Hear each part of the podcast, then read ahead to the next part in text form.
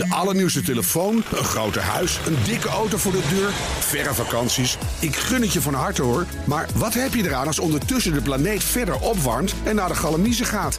Wil je echt weten hoe het zit en wat we eraan kunnen doen? Luister dan naar BNR Duurzaam. Elke maandag tussen 3 en half 4 op de radio en altijd online als podcast. Want die volhoudbare wereld, die maken we samen. BNR Duurzaam wordt mede mogelijk gemaakt door Milieuservice Nederland. De ondernemende afvalpartner voor zakelijk Nederland.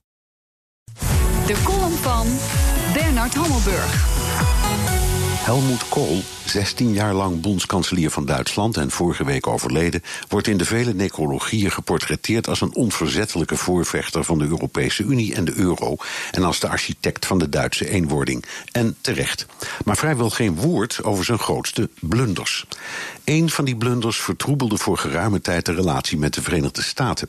In 1985 nodigde hij president Reagan uit voor een herdenking van de Tweede Wereldoorlog op een militaire begraafplaats in Bietburg, waar 2000 Duitse soldaten liggen. Wat hij verzweeg was dat daar 49 SS'ers bij waren. Toen de Amerikaanse media daarachter kwamen, ontstond een enorme rel. De beroemde Auschwitz-overlevende auteur en Nobelprijswinnaar Elie Wiesel smeekte Reagan in een beroemd geworden toespraakje recht in het gezicht om het bezoek af te zeggen. Meneer de president, dit is niet uw plaats, zei hij. Reagan ging toch, omdat hij vond dat hij dat tegen een bondgenoot niet kon maken, al was hij misleid. Veel dramatischer was het spel dat hij speelde in de opmaat naar de Balkanoorlog. In december 1991 besloot Kool Kroatië te erkennen, de oude bondgenoot uit de nazietijd. De EU, Amerika, Rusland en de VN waren fel tegen. Kool dreigde vervolgens dat hij dat desnoods alleen zou doen, waardoor de Europese landen op de top van Maastricht kort daarop door de knieën gingen. In Servië, dat in de Tweede Wereldoorlog als bondgenoot van de Sovjet-Unie fel tegen de Duitsers had gevochten, sloeg de vlam in de pan. Was de Balkanoorlog niet uitgebroken als Kool het Kroatische breekijzer niet had gebruikt? Natuurlijk wel, want het Servisch, Kroatisch, Bosnisch, Kosovaarse conflict woedde al decennia. Maar de vraag is of de oorlog beheersbaarder was geweest of gemakkelijker op te lossen. Ik vermoed van wel.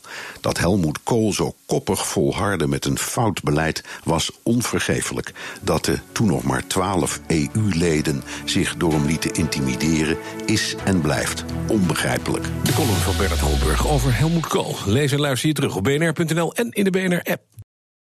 De allernieuwste telefoon, een groter huis, een dikke auto voor de deur, verre vakanties. Ik gun het je van harte hoor. Maar wat heb je eraan als ondertussen de planeet verder opwarmt en naar de galamiezen gaat? Wil je echt weten hoe het zit en wat we eraan kunnen doen? Luister dan naar BNR Duurzaam. Elke maandag tussen 3 en half 4 op de radio en altijd online als podcast. Want die volhoudbare wereld, die maken we samen. BNR Duurzaam wordt mede mogelijk gemaakt door Milieuservice Nederland. De ondernemende afvalpartner voor zakelijk Nederland.